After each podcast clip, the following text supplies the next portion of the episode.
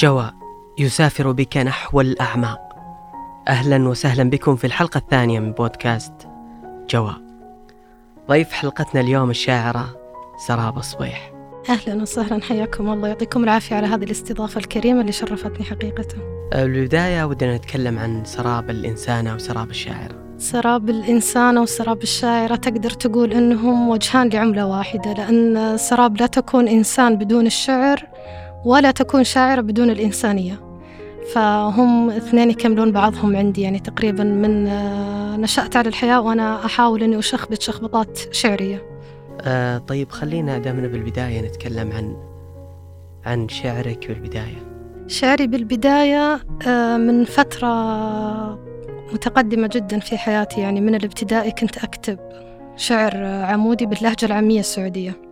آه لا أذكر منه شيء أنا الآن يعني شو اسمه الآن طلع على بالي قلت ليتني كنت جبت دفتري معي كان ممكن قريت لك بعض القصائد بس ما يطري على بالي بس كانت قصائد طويلة يعني 40 بيت حاجة كذا هذا مو بالابتدائي لما وصلت للمرحلة الثانوية. بس بعد ما دخلت الجامعة وتخصصت في اللغة العربية آه، من غير تخطيط مني ولا عمد اتجهت كتابتي نحو الفصحى بكل تلقائية ممكن آه، انسجمت مع الجو العام بدون إحساس بس أتذكر أنه ما كان بتخطيط مني. آه طيب ودنا تكلمينا عن أسراب الإنسان. يعني غالبا الشعراء أنه يكونون أصحاب حس مرهف يتأثرون سريع. هل كانت سراب من مثل هؤلاء الشعراء أنه يتأثرون بالمواقف؟ وهل في مواقف معينة أصنعت شعرية سراب؟ المواقف اللي أتذكرها وأنا صغيرة وأنا كبيرة ممكن هي أكثر شيء تحرك شيء في وجداني هي الحمام بشكل عام. منظر الحمامة لما ترفرف على النافذة شكل الحمامة كلها ترمز لي بأشياء كثيرة. السلام التعاطف أشياء كثير.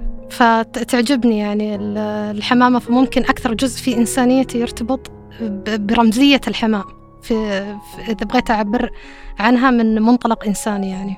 آه طيب كتبتي عن الحمام؟ صراحة كتبت قصة قصيرة جدا وليس شعر عن الحمام.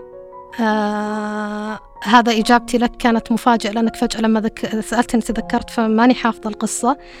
لكن أتذكر كانت تقول آه آه رأيت حمامة على طرف النافذة حين كنت في الرابع الابتدائي أو حاجة كذا ثم هي القصيدة كانت أكثر من كذا لكن تعبر عن أن هذه الحمامة لما حلقت لازلت أفكر فيها حتى اللحظة أين ذهبت وفي أي مكان استقرت يعني. جميل جدا. طبعا أتوقع إني أفاجئك بأي لحظة ترى في أسئلة ما كنت مخطط لها يعني. لا دي ولا ولا أسئلة أصلا تجي عرضا مع الحديث. تمام. طيب تكلمنا عن بدايتك بالشعر. أنا ودي أسمع عن بدايتك. إذا في نصوص تتذكرينها. النصوص زي ما قلت لك اللي هي البداية يعني إذا نبي نتكلم تاريخيا يعني في في اللهجة العامية اللي كنت أكتبها في التعليم العام هذا ما ما أتذكر منه. هو مكتوب عندي في دفتر في البيت. آه. لكني ما أتذكر منه يعني الآن. آه بعد كذا البكالوريوس والماجستير بديت أكتب آه كتابات يعني اختلفت خرجت من الشعر العمودي إلى تشكيل أدبي آخر وبالفصحى بالوقت نفسه. فجمعت منها مجموعة وأصدرتها في ديواني الأول وكتابي الأول بالوقت نفسه. كان أول كتاب آه نشرته اللي هو كان بعنوان ماء السراب. آه نشرت مجموعة منها وبعد نشر الكتاب كتبت أيضا مجموعة جديدة. طبعا أعرف يا سراب أن تخصصك لغة عربية. هل دفعك الشعر لهذا التخصص؟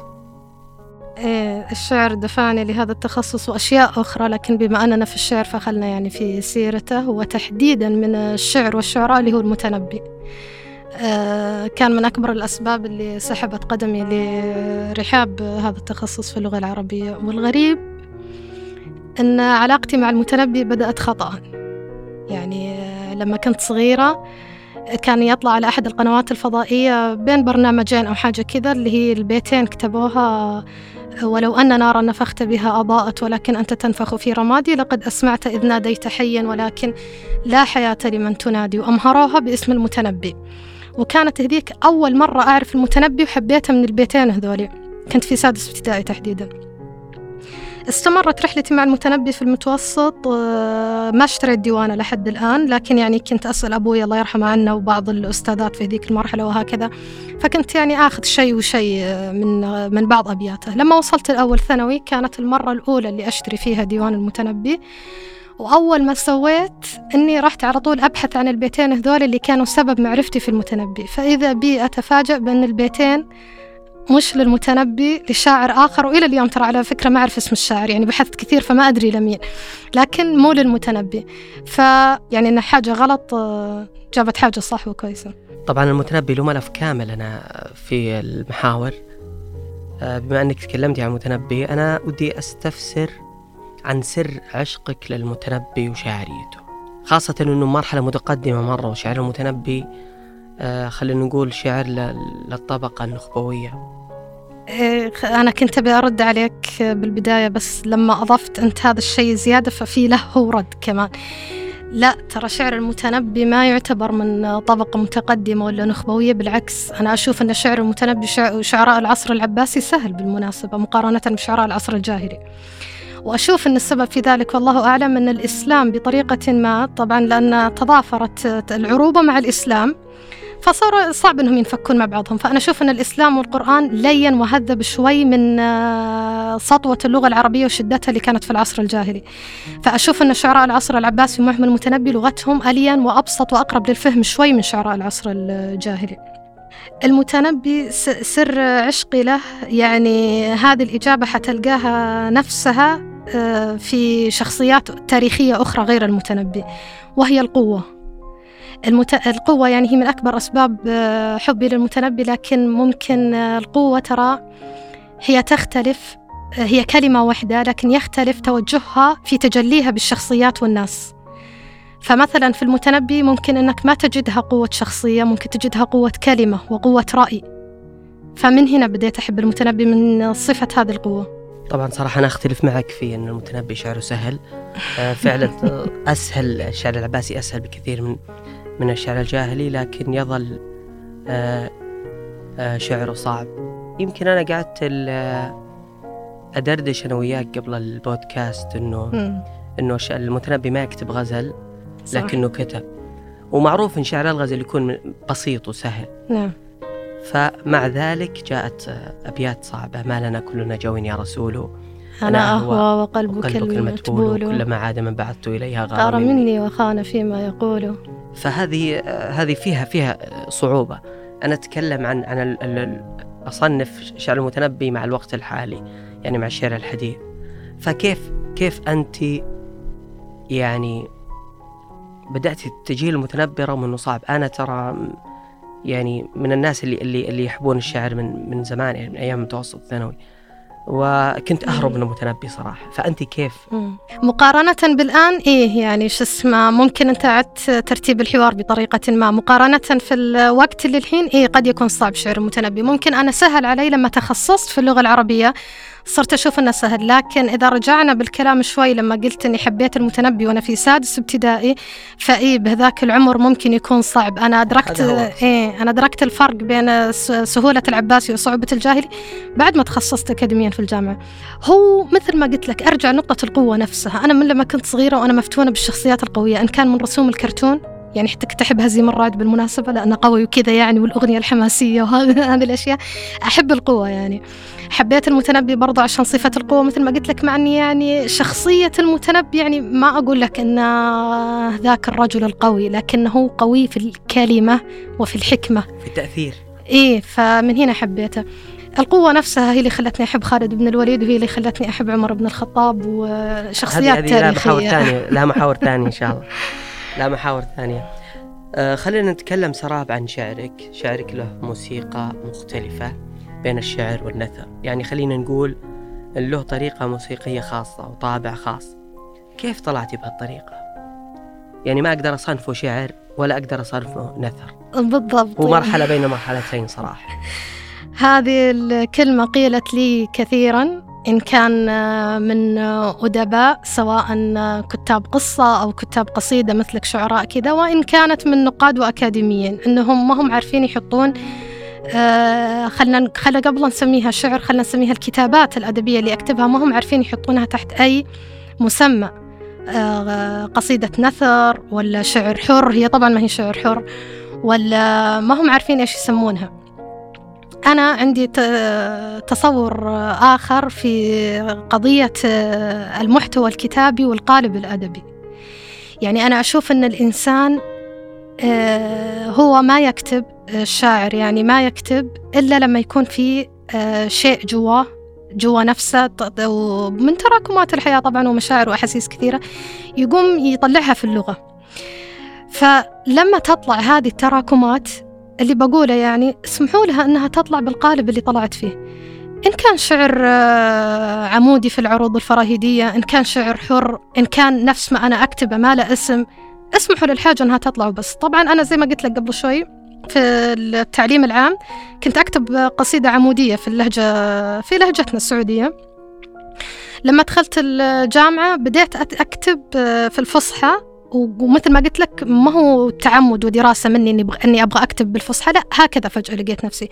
وأثناء ما لقيت نفسي هكذا فجأة أكتب في الفصحى لقيتها في هذا القالب الأدبي الجديد اللي له العروض العروض الفراهيدية وله الشعر الحر حق نازك الملائكة والمدرسة الجديدة وله قصيدة النثر. قصيدة النثر أيضا لها شروطها وأحكامها.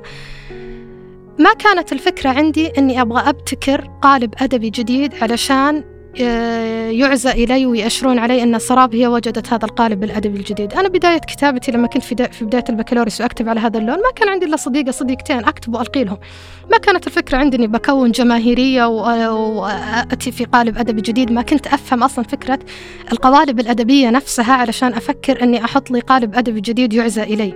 كنت أصغر من كذا بكثير. كانت مجرد أحاسيس تركت لها المجال وسمحت لها أنها تخرج فخرجت في هذا القالب الأدبي. آه طبعا آه أنا جدا مؤيد لأنه يكتب الشاعر حيثما كتب. إحنا آه نسأل عن السر.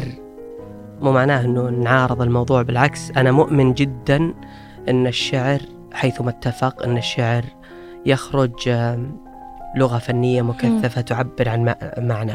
وأنا قلت لك سراب أنه أنت فتحتي المجال للشعراء وغيرك قبل ناس فتحوا المجال للشعراء أنهم يكتبون من أحاسيسهم بدون قيود. وهذا مرة شيء مميز. الأهم أنه تكون اللغة الفنية موجودة. اللغة الفنية المكثفة اللي هو الصور المجازات الاستعارات. طيب خلينا نتجه للجانب آخر أنه اهتمامك بالصحابة. بالمناسبة اليوم كان المكان اللي إحنا رايحين نسجل فيه شارع اسمه شارع الصحابة. صحيح. فقالت أنا أتفائل بالموضوع هذا. فحدثينا عن السر هذا و... وكيف أنت يعني صرتي مهتمة بها مجال الصحابة ومجال رغم انه انه انه مجال بعيد عن الشعر. صحيح. وهو مجال اهتميت فيه متاخرا أصلا يعني ما ما كان قبل كذا. مع ان سيرة عمر بن الخطاب رضي الله عنه تراني قريتها وأنا في سادس ابتدائي. مثلما أني عرفت المتنبي وأنا في سادس ابتدائي. لكن شاء الله أن يكتب القدر بأني بهذيك بهذاك الفترة العمرية يعني أخذني المتنبي في طموحه وشغفه بالحياة وانسجم مع المرحلة العمرية اللي كنت فيها فمشيت مع المتنبي. فالآن بعد سنين هذه كلها آه، رجعت لعمر بن الخطاب والصحابة ف آه، ممكن كان منسجم ومناسب في المرحلة العمرية اللي أنا فيها الحين. إيش السبب اللي خلاني أرجع؟ خلنا نقول القرآن بداية. إيش معنى هذا؟ كتبت عبارة أنا مرة قلت فيها حب الله سبحانه وتعالى يؤدي إلى حب النبي صلى الله عليه وسلم. وحب النبي صلى الله عليه وسلم يؤدي إلى حب الصحابة رضوان الله عليهم. وحب الصحابة يؤدي إلى حب النبي صلى الله عليه وسلم وحب النبي يؤدي إلى حب الله. جميل إذن جميل جدا. كل شيء يأتي من الله ويعود إليه. جميل آه، أنه نجد شاعر آه، مهتم بهذا الموضوع ويكتب عن الصحابة. أنا سمعت أنه من آخر ما كتبتي قصيدة لعمر بن الخطاب وشخصيته. خلينا نسمع شيء منها. تمام أبشر. هذه قصيدة بس خلنا نفتح قوس وننبه يعني إنها قصيدة على القالب الأدبي اللي قبل شوي تكلمنا عنه فلا ينتظرون أنهم يسمعون قصيدة عمودية أو قصيدة شعر حر أو ما إلى ذلك. أكيد هم تحمسوا للموضوع. هذه بيشوفون الطابع المختلف. هذه القصيدة السرابية يعني خلينا نسميها. ولو أنه الزمان نسيره لسرته إليك يا ابن الخطاب. ولكنه المكان يمشى ومن مشى على الزمان مشى على السراب. وإني كلما تخطفني الشوق ما وجدت لك ملامح أذكرها ولكنه ليس من رأي العين أذكره إلا اسمك قرأته في كتاب. فما لي؟ فما لي وللناس ما قالوا في أمجادهم وما نظموا. كل الناس عندي حروف مبعثرة وأنت بينهم فصل الخطاب. أنت الذي تصطف على طلعة اسمك اللغة فكأنما أجسادهم بقايا من أسمائهم واسمك تاريخ يخترقهم ضربا في الرقاب. نبئت أنك فتى قريش ومحاربها فقلت اعدلوا بل عمر التاريخ إن ذهبت قريش فلا يطويه الذهاب. وهذا الزمان يا عمر بيننا طويل بعده. أجيئه بالأسئلة وأعود خالية الجواب. إلى آخر القصيدة يعني هي طويلة نوعا ما. شكرا لك وشكرا لهذا الطابع المختلف. شكرا لهذا التميز. يعجبا في شعرك الطابع المختلف من الموسيقى هذه. الموسيقى السرابية خلينا نقول. وأيضا وأيضا قربه للفهم وأنه يتناسب مع الوقت الحالي. آه، ممكن لو يقرأه آه، أي شخص ممكن يفهمه. هذا شيء مميز لأنه أنت تعرفين أن اللغة أو البلاغة مراعاة أحوال المستمعين. صحيح. طيب خلينا نقول اللغة الأدبية. كيف تخليها تتناسب مع الجيل الجديد؟ وتكلمنا إحنا أنا وياك عن البرج العاجي. بعض الشعراء والأكاديميين أو الكتاب البعض منهم يكتب بلغة عاجية لغة من برج مختلف. فلا يصل إلى الجيل الجديد لا يصل إلى الجيل الحالي وأحيانا يمتنع عن الظهور بسبب هذا الشيء. هذا سؤال وسيع يعني وإذا نبي نناقشه نناقشه من جوانب أو خلينا نقول أصعدة كثيرة منها اللغة منها التاريخ منها علم الاجتماع يعني يدخل فيه حاجات كثيرة جدا وهو محل نقاش يعني تناقش فيه ناس كثار سواء كانوا من الأكاديميين نفسهم أو من الأدباء أو من عوام الناس. لكن يعني ممكن عشان أرتب وأقول لك إجابة لسؤالك كيف نستطيع أننا نتماشى في اللغة الأدبية مع أبناء جيل هذا العصر؟ خلنا أقول لك أن ما في قاعدة تقدر تسنها في مواضيع مثل هذه ويمشون عليها الناس كلهم. يعني آه الناس عندهم آه آراء وأفكار مختلفة. حول, قضايا الحياة كلها بس خلينا نقول حول القضية هذه. فاهمني؟ عندهم أفكار كثيرة. فأنت مثلا إذا أنك تجي تبي تقول أنت ممكن أنك تأثر على شريحة. هذه الشريحة ممكن أنها تعمل في هذا الشيء. لكن إذا أنك تبي تحط منهجية كاملة يمشون فيها الناس كلهم فهذا الشيء خلينا نتفق عليه مبدئيا أنه حاجة صعبة أنك تجمع الناس كلهم على رأي واحد. إذا تبي تسمع وجهة نظري أنا يعني آه، أنا أشوف أصلا أن الإنسان آه، لما يجي يكتب هو بكل تلقائية آه، يكتب من اللغة اللي اكتسبها في جيله وفي حياته في الحقبة الزمنية اللي هو عايش فيها. يعني زي ما قلنا قبل شوي أن شعراء العصر العباسي كانوا أخف لغة من شعراء العصر الجاهلي. شعراء العصر الأندلسي بالمناسبة بمظاهر التمدن اللي عندهم والترف والرفاهية تراهم كانوا أخف من شعراء العصر العباسي. مع أن حتى العصر العباسي تمدن لكن خلينا نقول أن البيئة في العراق ممكن كانت أشد حر وأشد غلظة شوي عنها في الأندلس. فشعراء العصر الأندلسي أيضا كانوا أخف. شعراء العصر الحديث لما جو آه، نازك الملائكة وإليا أبو ماضي وبدر شاكر السياب وهذولا كانوا أخف من سابقيهم. والشعراء اللي حنا اليوم في عصرنا عصري وعصرك يعني وحنا الآن عايشين برضو أخف من من شعراء العصر الحديث اللي أصلا أنا ضد تسميتهم بشعراء العصر الحديث. فهي حاجة أساسا المجتمع يشكلها بطريقة كانت أو بأخرى. أما إذا كانت في نماذج هي تضع نفسها في برجها العاجي وتبقى تكتب مثلا على اللغة القديمة علشان مثلا آه، لأسباب كثيرة يعني تعود لهذه الشخصية. ف يعني تبقى نماذج يعني.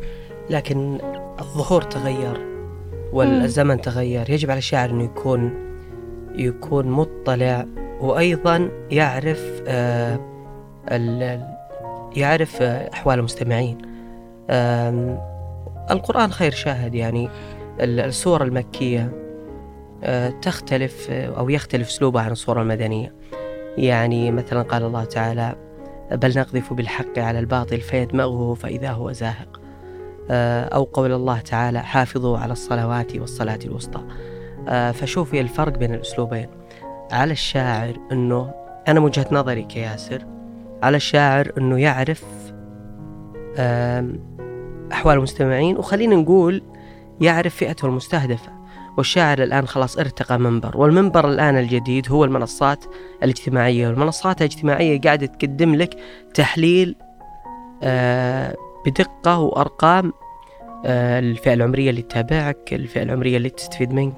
برضو هالمنطقة الزمنية المنطقة المكانية كل هذا قاعد يبين لك بأرقام. فأنت إذا كشاعر أو كاتب أنا وجهة نظري أنه يجب أنك تعرف آه كيف تكتب ولمن تكتب.